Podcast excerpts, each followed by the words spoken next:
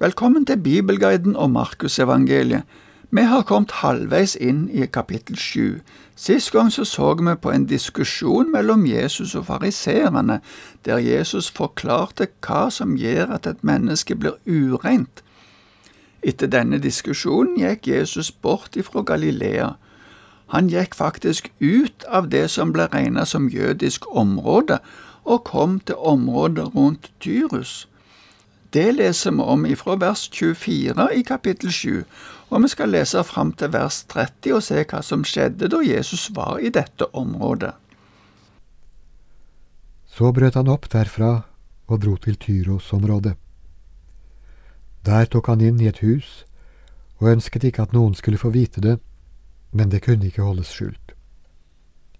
En kvinne der hadde en datter som hadde en uren ånd i seg. Straks hun fikk høre om Jesus, kom hun og kastet seg ned for føttene hans. Denne kvinnen var gresktalende, av syrisk fønikisk ett. Hun ba ham drive den onde ånden ut av datteren. Men Jesus sa til henne, La først barna bli mette, for det er ikke rett å ta brødet fra barna og gi det til hundene. Herre, svarte kvinnen, selv hundene under bordet spiser jo smulene etter barna. Han sa til henne, Fordi du sa dette, sier jeg deg, gå hjem, den onde ånden har forlatt din datter. Hun gikk hjem og fant barnet liggende på sengen. Den onde ånden hadde forlatt henne. I noen bibeloversettelser nevnes også Sidon sammen med Tyros, altså at Jesus drog til området rundt Tyros og Sidon men det ser ikke ut til at de eldste manuskriptene har med Sidon i denne sammenhengen. Men begge to var byer utenfor det området som ble regnet til Israel. Sidon ligger litt lenger nord enn Tyros. Jesus ville ikke at noen skulle vite om at han var der. Kanskje han ville ha litt ekstra ro sammen med disiplene. Men ryktet om Jesus hadde også spredt seg til dette området. Ei kvinne i området der hadde ei datter som hadde ei uren ånd i seg. Hun hadde kanskje hørt at Jesus i Galilea hadde drevet ut vonde ånder, og nå ville hun ha hjelp av Jesus til å få dattera si frisk. I vår oversettelse står det at hun var gresktalende av syrisk-fønikisk ett. I noen bibler står det oversatt med hedensk ett. Det er det samme ordet som brukes om hedensk eller gresk i originalen, så det kan nok oversettes på begge måter. Men uansett var hun ikke av jødefolket.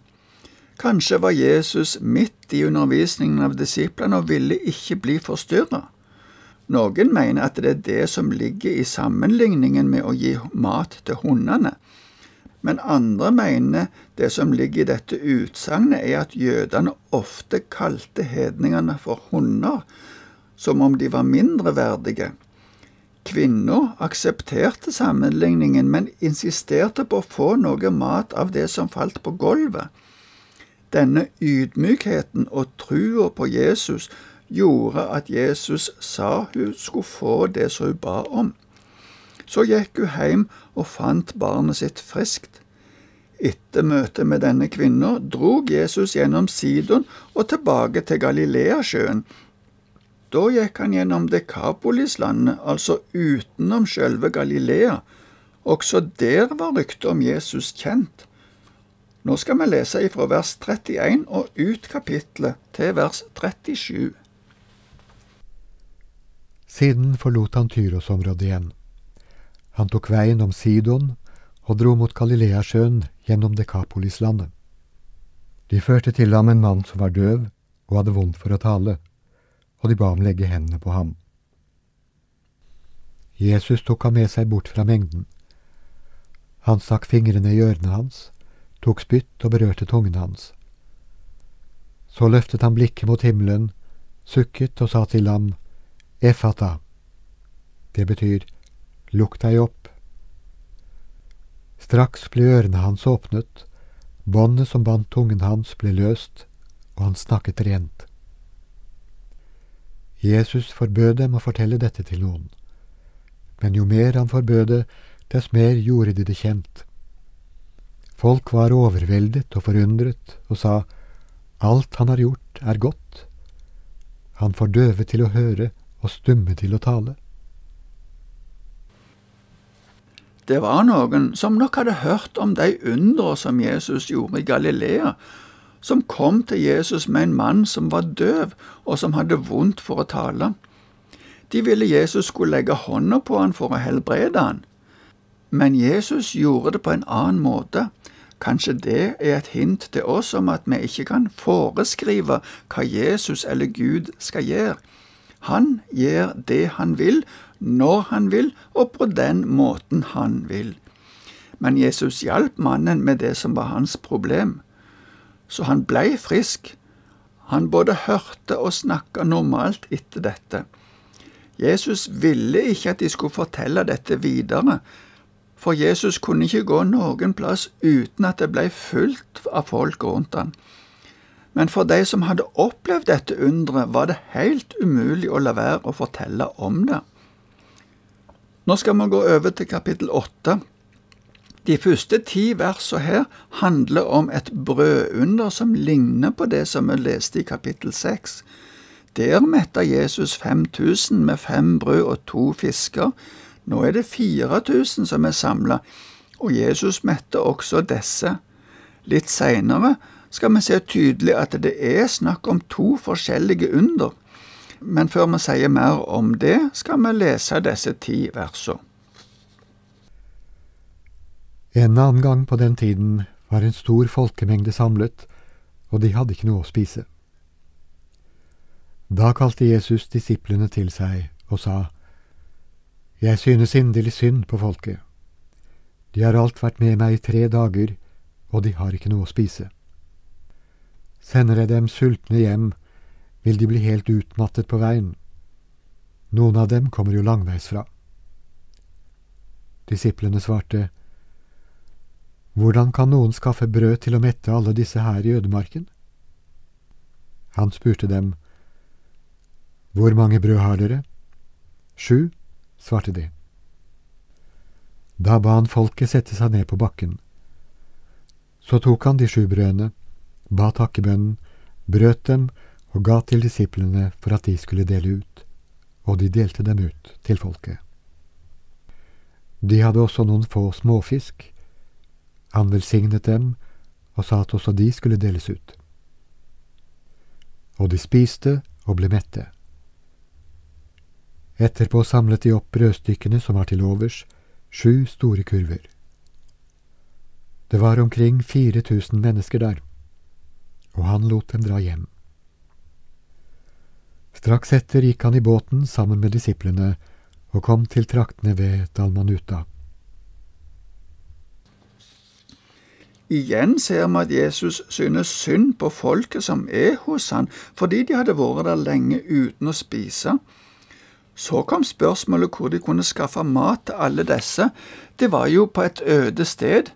Men etter at Jesus hadde fått vite hvor mye de hadde, ba han takkebønn og delte det ut. Alle ble mette også denne gangen, og det som ble til overs, ble hele sju fulle korger med rester av brødet. Etter at de hadde spist, lot Jesus folket gå bort. Etter at folket hadde gått, drog Jesus og disiplene i båten over til bygdene ved Dalmanuta. Matteus sier de dro til Magadan. Det er sannsynligvis to forskjellige navn på det samme området. Men da de kom dit, så var det noen fariseere der som begynte å diskutere med Jesus. Vi leser om det ifra vers 11 til 13.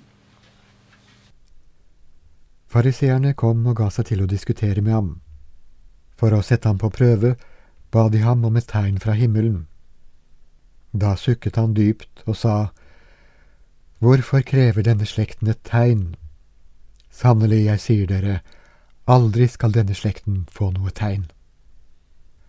Dermed gikk han fra dem, steg i båten igjen og dro over til den andre siden.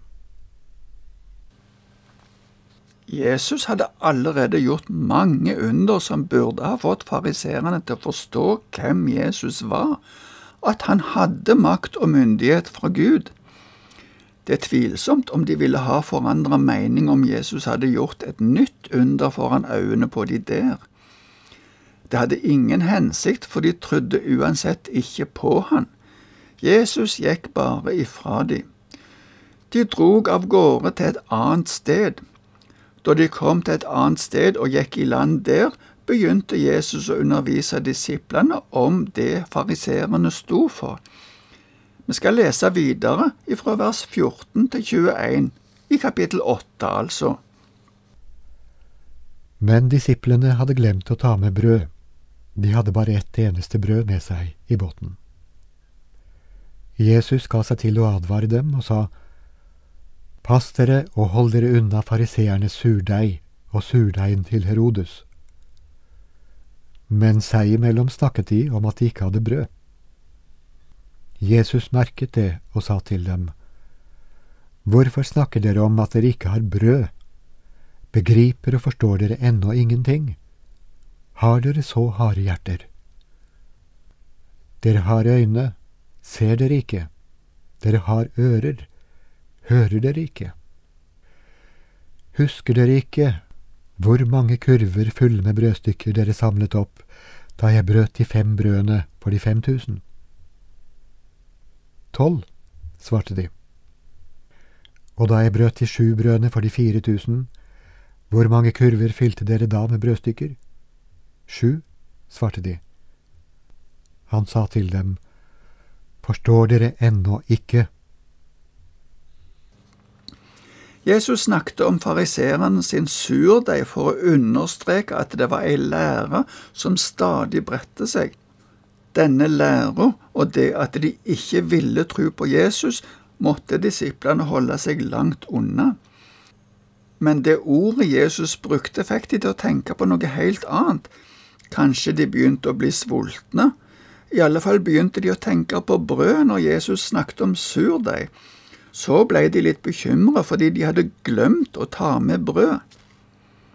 Jesus irettesetter de og lurer på hvorfor de ikke forstår dette. Så spurte han om de kunne huske hva som skjedde de to gangene han hadde gjort det vi kan kalle brødunder. De huska det, og forsto etter hvert at det som Jesus hadde sagt, ikke handla om brød. Men nå må vi slutte for i dag. Takk for nå og Herren være med deg.